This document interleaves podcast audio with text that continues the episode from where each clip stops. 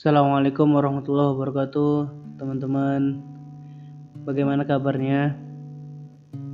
Ya, semoga teman-teman semua baik-baik saja ya. ya, teman-teman. Hari ini aku ingin sedikit cerita, teman-teman. Ya, bahwasanya hari ini aku sedang jatuh cinta, teman-teman. Masya Allah. Dan cintaku hari ini itu benar-benar terbalas teman-teman. Kalian pernah nggak sih merasa kepuasannya kalian sedang jatuh cinta dengan seseorang dan orang tersebut tuh membalas cinta kalian?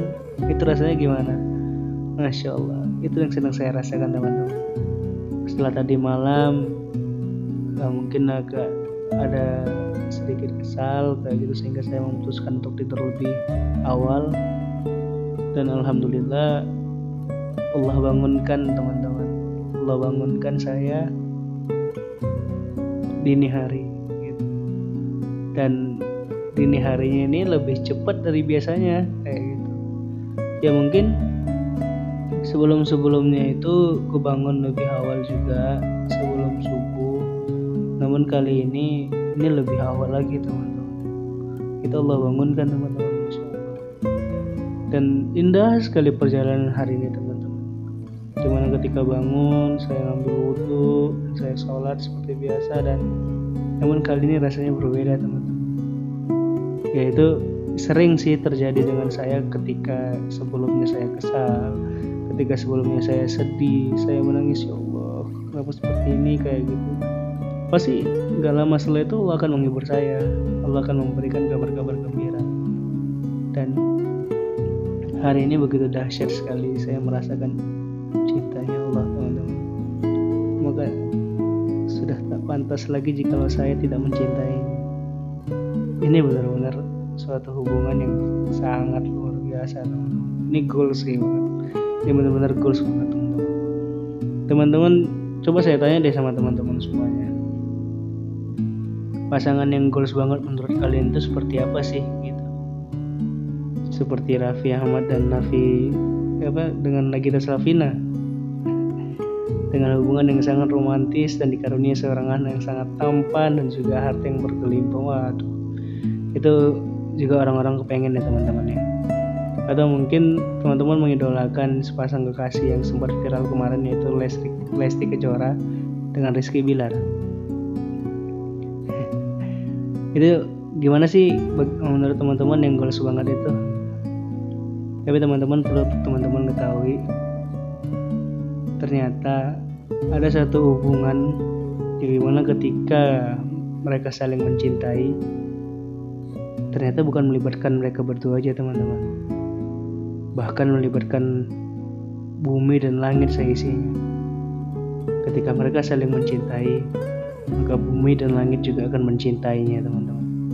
Bayangkan ya bukan hanya bumi saja bumi dan langit teman-teman akan ikut mencintainya dan ketika hubungan mencintai ini terjalin, maka manusia tersebut akan mendapatkan banyak garansi teman-teman. Ya berupa garansi-garansi kehidupan. Yang di mana udah aman lah mah hidup di dunia ini. Kayak gitu. Dan ketika juga saling mencintai, maka akan timbul keridoan akan dia masuk ke surga. Sudah tentu teman-teman, hubungan antara cinta ini adalah hubungan antara manusia dengan Allah. Seperti yang saya rasakan teman-teman. Saya benar-benar merasakan bagaimana cintanya Allah dengan saya. Wa idza sa'alaka ibadi anni fa inni qarib. Itu benar-benar teman-teman. Bahwasanya Allah tuh benar-benar dekat, teman-teman saya benar-benar merasakan kedekatan ya saya benar-benar merasakan kasih sayangnya. Dekapannya teman-teman? Masya sepanjang hari ini tuh enak banget. Saya serta tahajud saya berdoa saya curhat dengannya atas segala hal yang telah saya lakukan atas segala hal yang telah terjadi tadi malamnya kesedihan-kesedihan dan keraguan-keraguan yang akan datang. Dan Allah berikan ketenangan itu teman-teman. Dia jawab teman seolah-olah dia benar-benar ada di depan kita teman saya benar-benar merasakan cinta itu teman-teman. Maka benar ternyata teman-teman inilah aplikasi dari Quran surah Al-Maidah ayat 54 teman-teman.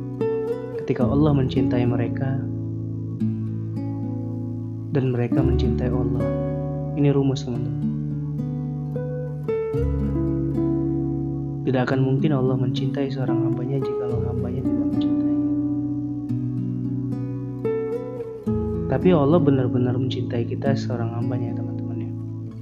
Artinya gini teman-teman. Ada emang hamba-hambanya yang emang Allah berikan penuh rasa kasih sayang dan cintanya kepadanya. Ada juga yang emang Allah uh, memberikan rasa kasih sayangnya itu ya sekedarnya aja teman-teman. Namun ada juga di mana Allah bukan memberikan rasa kasih sayang kepadanya tapi hanya berupa kenikmatan yang yang padahal itu sebenarnya Allah sudah tidak peduli lagi dengannya teman-teman. Itulah istidraj. Maka tingkatan tertingginya itu adalah ketika Allah mencintai kita dan kita pun mencintainya. Itu ter, uh, diabadikan dalam Quran surah Al-Maidah ayat 54 begitu rasanya teman-teman. Ketika kita benar-benar mencintai Allah maka Allah pun akan benar-benar mencintai maka teman-teman tadi pagi ketika saya benar-benar merasakan nikmatnya itu.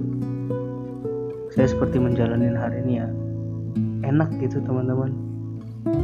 Ya saya alhamdulillah bisa untuk melakukan puasa-puasa sunnah ya. gitu dan benar-benar merasa pada saat setiap sholatnya saya seperti berinteraksi dengannya teman-teman. Indah sekali rasanya itu pula seperti yang dikatakan oleh hadis kursi yang di mana katanya dan tidaklah seorang hamba mendekat padaku yang lebih aku cintai daripada apa-apa yang telah aku fartukan kepadanya. Hambaku terus menerus mendekat kepadaku dengan ibadah-ibadah sunnahnya hingga aku pun mencintainya. Bila aku telah mencintainya maka aku pun menjadi pendengarannya yang ia gunakan untuk mendengar menjadi penglihatannya yang ia pakai untuk melihat, menjadi tangannya yang ia gunakan untuk berbuat, dan menjadi kakinya yang ia pakai untuk berjalan. Dan bila ia meminta kepadaku, aku pasti memberinya. Dan bila ia meminta perlindungan kepadaku, aku pasti akan melindunginya. Masya Allah. Di dalam hadis ini ketika kita benar-benar mencari perhatian kepada Allah, kita benar-benar ingin mengejar cintanya Allah sudah pasti Allah akan lebih dekat kepada kita teman-teman. Sini sini sini. Kamu mau kan dekat sama aku? Sudah sudah. Kamu tunggu di sana saja biar aku yang nyamperin. Seperti itu teman-teman. Bayangkan dari katanya teman-teman. Ketika kita terus menerus mendekat dengan amalan-amalan sunnah kita maka Allah akan mencintai kita teman-teman. Dan ketika Allah sudah mencintai kita segala apa yang ada di dalam tubuh kita ini akan dia jaga teman-teman. Itu sebuah garansi teman-teman. Itu sebuah garansi pasti yang akan Allah berikan kepada kita. Semua digaransi teman-teman. Semua diasuransiin sama Allah teman-teman. Mata kita Allah akan jaga pandangan kita dari hal yang tidak seharusnya kita lihat. Telinga kita pendengaran kita Allah akan jaga pendengaran kita dari apa yang seharusnya tidak kita dengar teman-teman tangan kita. Allah akan selalu menjaga untuk selalu kita berbuat kebaikan dengan tangan ini teman-teman. Dan kaki kita. Allah akan selalu menuntut menuntun kita kepada jalan-jalan kebaikan, bukan ke jalan kemaksiatan. Dan apabila kita meminta kepadanya, maka sudah pasti Allah akan berikan teman-teman. Dan apabila kita meminta pertolongan kepadanya, sudah pasti Allah akan melindungi kita. Insya Allah. Begitu luar biasanya ketika kita benar-benar menjalin hubungan dengan Allah. Maka menurut saya itu hubungan yang goals banget tuh yang ini teman-teman. Ketika kita seorang hamba mencintai rohnya yaitu Allah dan Allah pun mencintai kita teman-teman Masya Allah. Maka ketika Allah mencintai kita seluruh bumi dan langit akan juga mencintai kita. Seperti kasusnya Sa'ad bin Mu'ad teman-teman. Di mana ketika dia meninggal itu harus berguncang teman ketika penduduk langit mendengar Sa'ad bin Mu'adh meninggal, seluruh malaikat turun ke bumi, teman-teman. Ribuan malaikat turun ke bumi, teman-teman. Itu mengguncang ars, teman-teman. Begitu sedihnya penduduk langit pada saat itu. Yang di mana kita ketahui bahwasanya Sa'ad bin Mu'adh benar-benar mencintai Allah, teman-teman. Dan Allah pun mencintainya. Sudah seharusnya emang kita menempatkan rasa cinta kita ini kepada yang seharusnya teman-teman. Ya bagi kita bagi saya yang belum menikah sudah sepantasnya menempatkan cinta saya ini kepada yang seharusnya teman-teman. Ke orang tua tapi yang lebih paling utama adalah ke Allah teman-teman. Bahkan ketika kita pun sudah menikah kita tidak boleh teman-teman hati kita tidak boleh lebih mencintai pasangan kita daripada Allah ya Karena ketika hati ini sudah melebihi rasa cinta daripada Allah, maka siap-siap Allah akan memberikan kehilangan kepada kita teman-teman. Karena kita sering lupa teman-teman bahwa cinta Allah itu yang paling utama. Kita sering mengabaikan cintanya demi cinta-cintanya yang lain. Kita fokus mati-matian mengejar cintanya manusia, ya entah itu sahabat kita, guru kita, dosen kita, atau bahkan doi kita, cem-ceman kita Allah. Kita sering mengejar-ngejar cinta-cinta yang yang itu seharusnya tidak ada tandingan dengan kita mencintai Allah. Apalagi ketika kita mencintai yang belum halal. Ya udah sih kalau emang teman-teman ada rasa kecenderungan sama seorang lelaki ataupun wanita besok silakan saja kalau sudah kalau sudah mampu menikah. Tapi kalau emang salah satu di antaranya belum ada yang mampu coba untuk dialihkan. Itu agar tidak agar tidak merusak kesucian cinta itu teman-teman. Alihkan saja ke hal-hal positif. Entah itu menulis ikut-ikuti kajian pranikah apa pun itu teman atau mungkin kita sering sekali mencintai karir kita, pekerjaan kita, gitu. yang sebenarnya itu mengurangi rasa cinta kepada Allah. Pernah nggak sih teman-teman? Pernah nggak berpikir bahwasanya bagaimana sih cara mengukur cinta kita sama Allah? Gitu? Ini saya kasih tahu teman-teman. Ini hal yang paling dasar ketika kita ingin mengukur bagaimana rasa cinta kita kepada Allah. Ini indikator-indikator yang terkecil ya teman-teman ya. Cara mudahnya adalah coba saja kita flashback satu harian ini. Kita flashback satu harian ini dan lihat kepada diri kita. Apa yang sudah kita perbuat? Dari ucapan-ucapan apa yang sudah kita ucapkan teman-teman. Di pikiran dan hati apa yang selalu menghiasi pikiran kita dan hati kita? Coba kita flashback teman-teman. Adakah Allah di sana teman-teman? Adakah Allah di sana?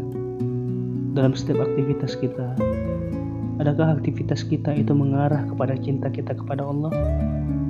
Adakah aktivitas kita itu untuk menjemput ridhonya Allah sehingga kita bisa masuk ke surga teman-teman? Dari ucapan-ucapan kita, Apakah ucapan-ucapan kita itu adalah ucapan-ucapan kebaikan teman-teman? Bukanlah hal sia-siaan dari pikiran dan hati kita teman-teman. Apakah yang menghiasi pikiran dan hati kita satu harian ini ya, itu adalah Allah?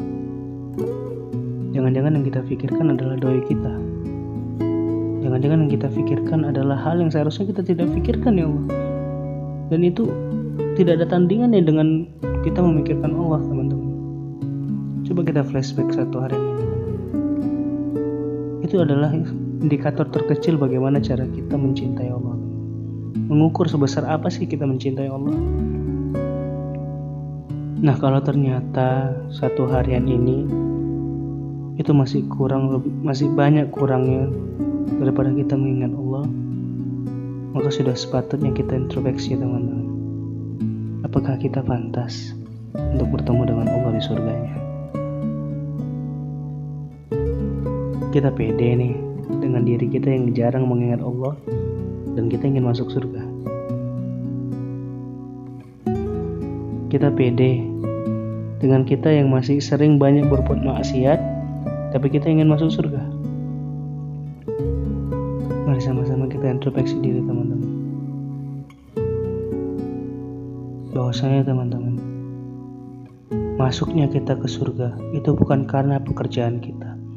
Masuknya kita ke surga itu bukan karena amalan-amalan ataupun apa pun yang kita lakukan di bumi ini teman-teman. Tapi masuknya kita ke surga itu karena Allah ridho teman-teman karena Allah ridho dengan kita. Maka mari sama-sama kita jemput ridhonya Allah dengan cara mencintainya. Maka insya Allah Allah pun akan memberikan ridho tersebut dan mencintai kita teman. Seperti yang hadis tadi katakan, ketika Allah sudah mencintai kita, maka apa pun akan dia jaga dari kita teman-teman dan apa pun yang akan kita minta akan diberikan sama Allah teman-teman. Masya Allah.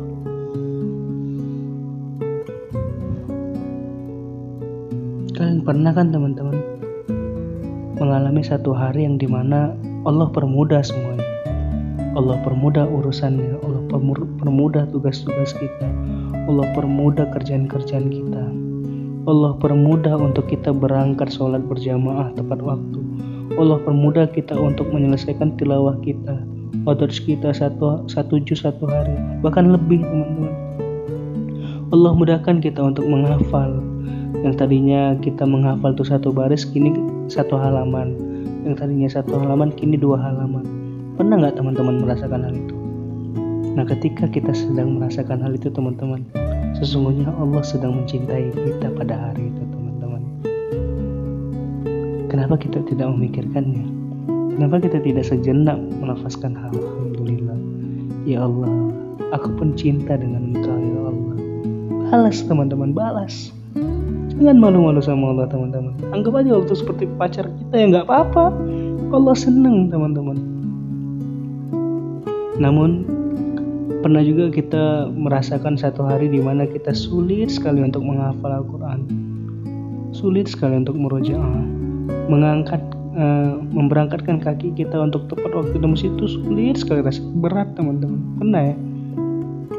Nah, jangan-jangan di sana ada maksiat-maksiat yang menutupi kecintaan Allah sama kita teman-teman sehingga kita berat melangkah saya teringat teman-teman.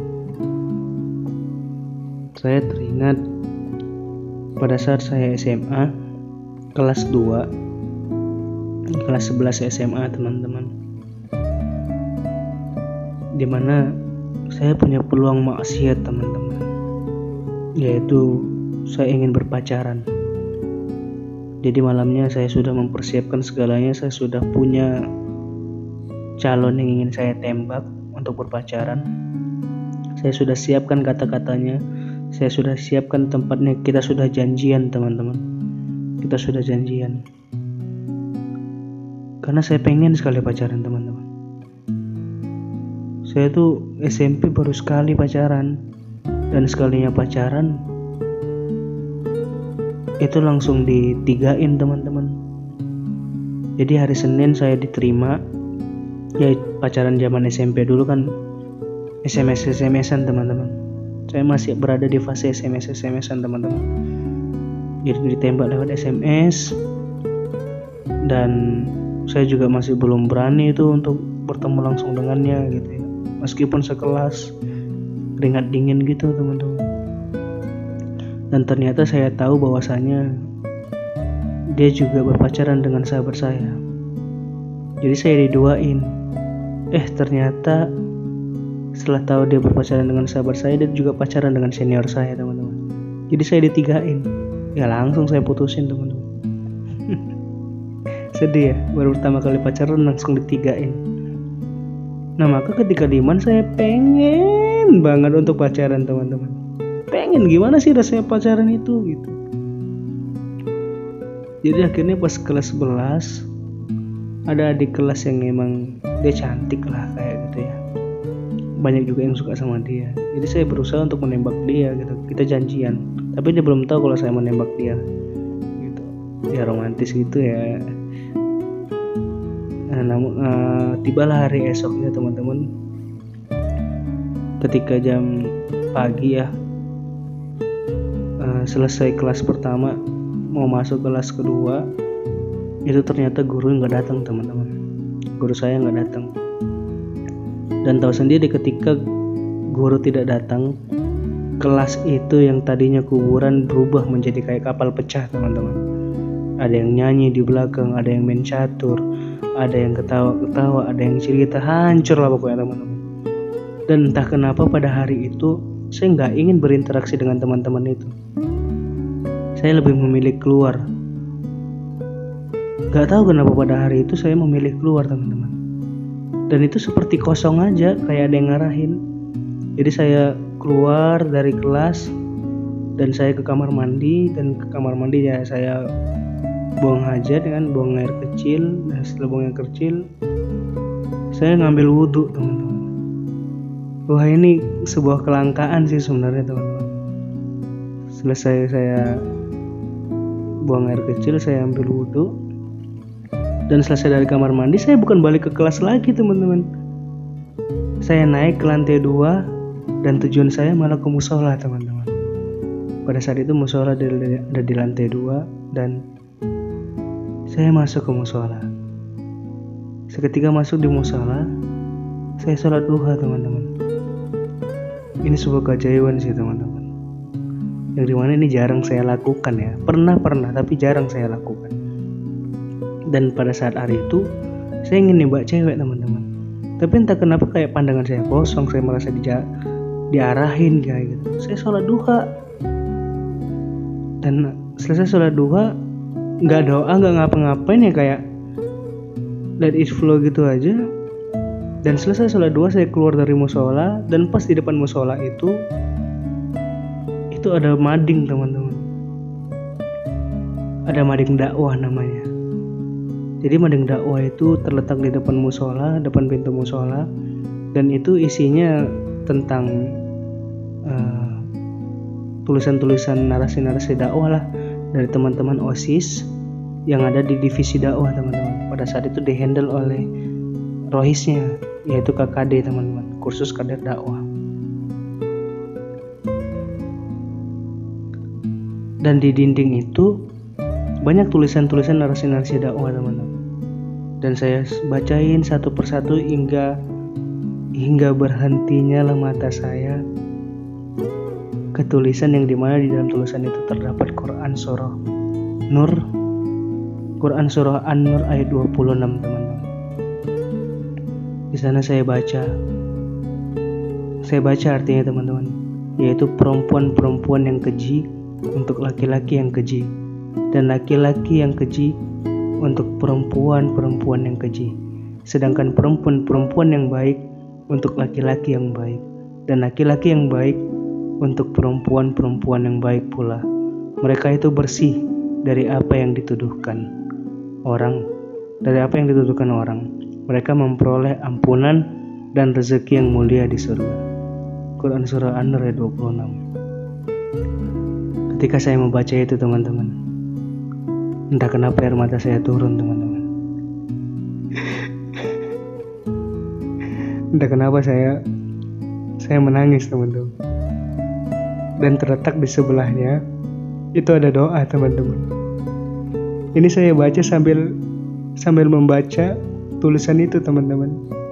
Saya sempat memfotokan tulisan itu teman-teman.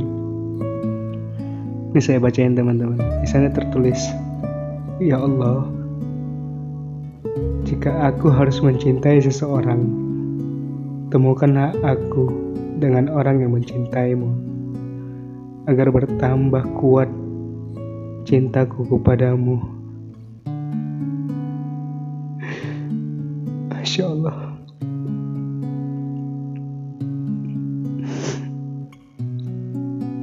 Pada hari itu teman-teman, saya nangis di depan itu sama hal sepertinya saya membacakan ini saya menangis teman-teman. Alhamdulillah Allah selamatkan saya dari berpacaran teman-teman. Dan ini masih ada tulisannya teman-teman. Saya fotokan saya membacanya tadi dengan foto itu teman-teman. Begitulah ketika Allah benar-benar mencintai kita teman-teman. Allah akan menjaga kita teman-teman. Allah akan menjaga kita dari kemaksiatan namun ketika kita benar-benar melupakannya kita meninggalkan segala larangan larangannya meninggalkan segala perintahnya mengerjakan segala larangannya maka sudah pasti penjagaan dia itu tidak ada lagi dengan kita teman-teman. Dan sana saya benar-benar merasakan bahwasanya Allah benar-benar sangat mencintai kita teman-teman. Agak sedikit emosional nih teman-teman dan mengingat hal cerita tentang ini juga inilah yang menjadi titik bawah, titik awal saya untuk menjadi lebih baik teman-teman. Yang di mana saya tidak ingin berpacaran teman-teman. Dan bercerita juga tentang ini banyak sebenarnya kisah-kisah yang menginspirasi teman-teman. Salah satunya ketika kisahnya Ali teman-teman dengan Fatimah pada saat itu juga banyak sekali yang menginginkan Fatimah sebagai istrinya. Dan bahkan yang datang ke rumah Rasul itu adalah influencer teman-teman yang followersnya banyak. Pada saat itu Ali belum kelihatan taringnya teman-teman. Dia masih kecil saat itu.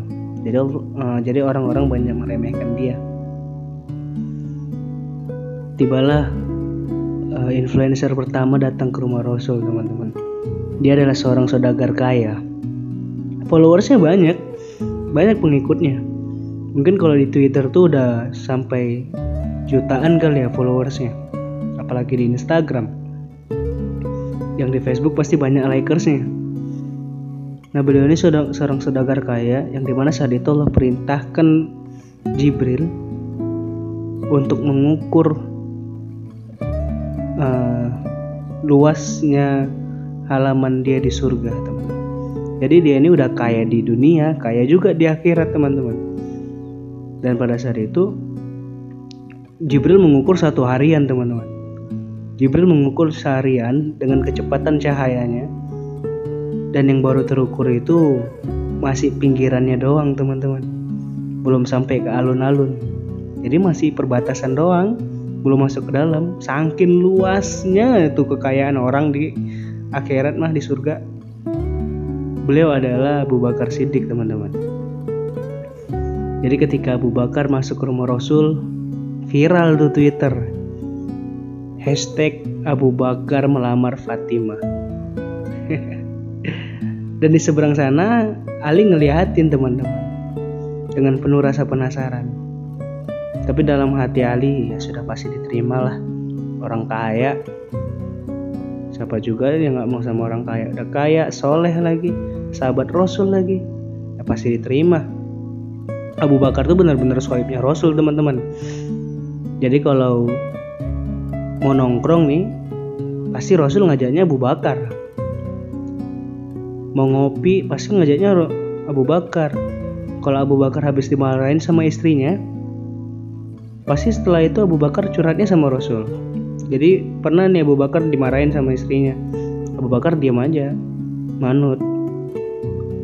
Setelah itu dia bilang udah mah ya udah gitu. Nah kalau udah Abu Bakar keluar tuh refreshing biasa. Mau ngajak Rasul nongkrong nih mau cerita. Eh di depan rumah Rasul Rasul juga lagi dimarahin sama istrinya. Diam. Nah itulah tanda-tanda orang soleh gitu teman-teman.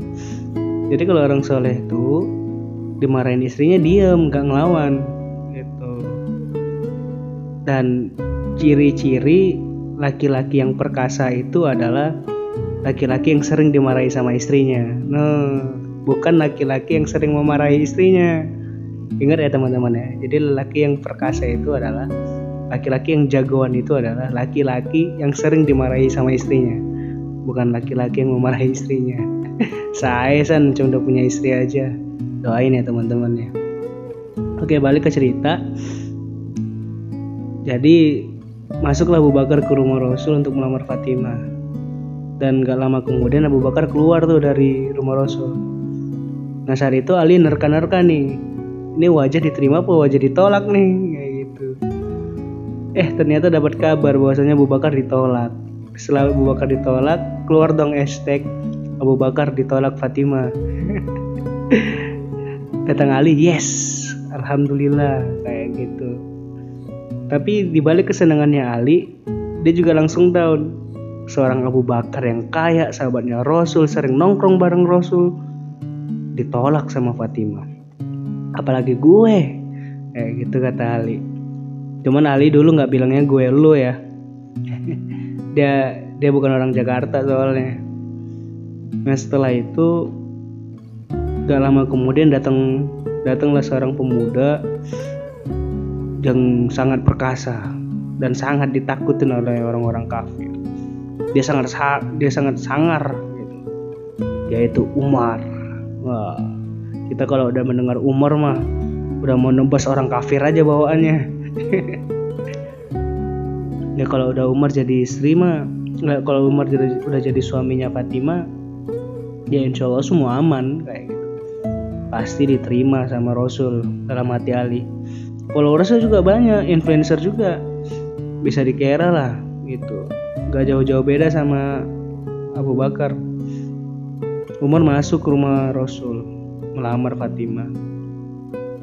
Dan gak lama kemudian dia keluar dan keluar hashtag Umar ditolak sama Fatimah waduh gempar tuh seluruh sosial media Abu Bakar yang begitu kaya, Umar yang begitu perkasa saja ditolak. Gitu kan. Lalu siapa yang pantas untuk mendapatkan Fatimah? Nah di sisi lain Ali makin ciut teman-teman. Ah udah deh, gak usah lagi Fatimah, ditutup aja, cari yang lain aja kayak gitu.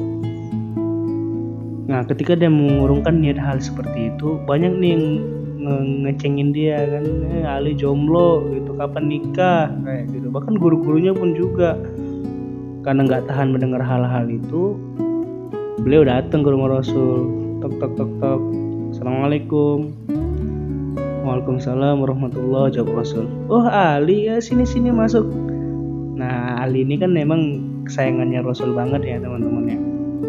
Pada saat itu meskipun dia masih kecil namun setelah dewasa dia merupakan gladiatornya Rasul teman-teman. Jangan salah. Hal itu salah satu yang membantu Rasul di garda terdepan teman-teman. Pemberani. Kayak gitu. Gladiatornya gladiatornya Rasul lah kayak gitu. Ya silakan duduk Ali kata Rasul. Dijamu kan seperti biasa. Ada apa Ali? kata Rasul nggak apa-apa ya Rasul. Ah jangan malu-malu gitu katanya. Rasulullah minum loh. Aku masa saya ditawarin minum? Ini kan rumah saya oh iya. Jadi kayak canggung gitu teman-teman keringat dingin gitu. Ya gak lama ngeliat sikap Ali yang seperti itu tiba-tiba datang wahyu dari Allah kan dan Nabi Nabi nyeletuk gimana sama Fatimah? Uh. nih ya nih ya teman-teman ya kalian ada nih suka sama seorang perempuan atau laki-laki gitu ya. Kalian pengen banget deh jadi uh, jadi istrinya kalian. Kalian pengen banget nikah dengan dia. Dan ketika kalian datang ke rumahnya kalian duduk di rumahnya tiba-tiba ayahnya langsung nyeletuk tuh. Gimana mana saya? Nah seneng nggak? Langsung ditawarin mau nggak sama Fatimah? kata Rasul. Ya Allah yang lainnya pada ditolakin Ali malah ditawarin teman-teman. Masya Allah. Itulah kenapa uh, hikmah salah satu uh, salah satu hikmah ketika kita benar-benar mencintai Allah teman-teman. Ali emang cinta sama Fatimah. Dia emang suka sama Fatimah. Tapi dia tidak menjadikan Fatimah menjadi hal yang paling utama di dalam hatinya teman-teman. Tetap Allah teman-teman dia terus mengadu sama Allah dia terus meminta sama Allah. Dekatin robnya teman-teman. Jangan berani dekatin ceweknya doang. Jadi saat itu ditanya mau nggak? Gitu. Dan Ali jawab saya nggak punya apa-apa ya Rasul. Saya pun cuma punya tiga hal. Apa aja kata Rasul. Saya cuma punya unta saya cuma punya pedang dan saya cuma punya baju besi ya Rasul. Onta kamu butuh untuk mengangkat barang. Pedang kamu butuh untuk menemani saya berperang. Kalau gitu baju besi aja dah kata Rasul. Benar ya Rasul. Ini beneran besi ya Rasul. Bukan emas bukan apa apa nggak apa-apa kata Rasul. Tuh lihat. Yang kaya ditolak, yang kekar ditolak. Ini pemuda masih belia, cuman punya baju besi jadi mahar untuk Fatimah. Diterima sama Rasul, masya Allah. Begitulah ketika kita benar-benar mengutamakan Allah di hati kita. Meskipun kita sedang memiliki kecenderungan sama eh, lawan jenis kayak gitu, tapi kita tetap fokus sama Allah. Maka Allah akan permudahkan jalannya teman-teman, insya Allah pada saat itu ya langsung dinikahkan sama Rasul dan pasca itu Rasul bertanya gimana ya Ali Alhamdulillah Rasul. Dan ternyata di situ juga Rasul menjelaskan bahwasanya sebelum kamu saya menik saya nikahkan dengan Fatimah Allah sudah menikahkan kamu dengan Fatimah di langit. Masya Allah.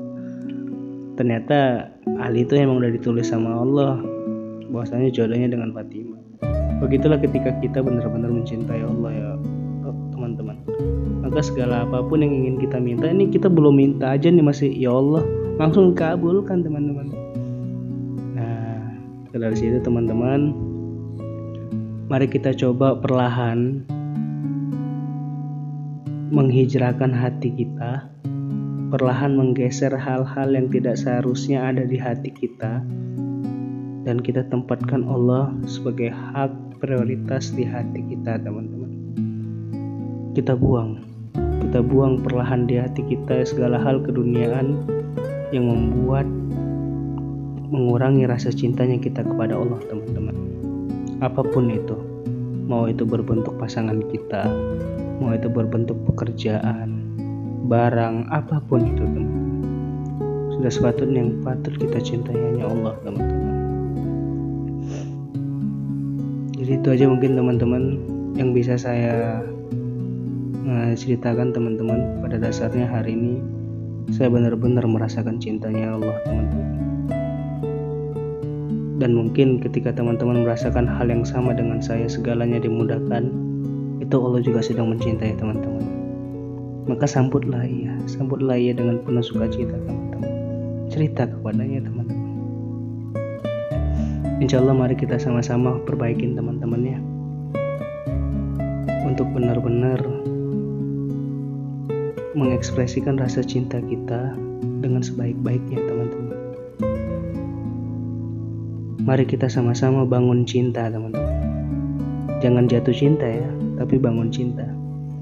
Ini sama seperti kayak lagunya Maidani ini. Kalau bicara tentang cinta yang ini saya ingat-ingat masa-masa lalu nih teman-teman. Itu teman-teman itu aja ya teman-teman ya agak panjang sedikit ceritanya hari ini semoga apa yang diceritakan ini ada manfaatnya untuk teman-teman. Dan sama-sama lah kita belajar teman-teman untuk benar-benar mengekspresikan cinta kita dengan sebaik-baiknya. Membangun cinta bukan jatuh cinta karena jatuh itu sakit bangun itu semangat. Terima kasih teman-teman ya. Assalamualaikum warahmatullahi wabarakatuh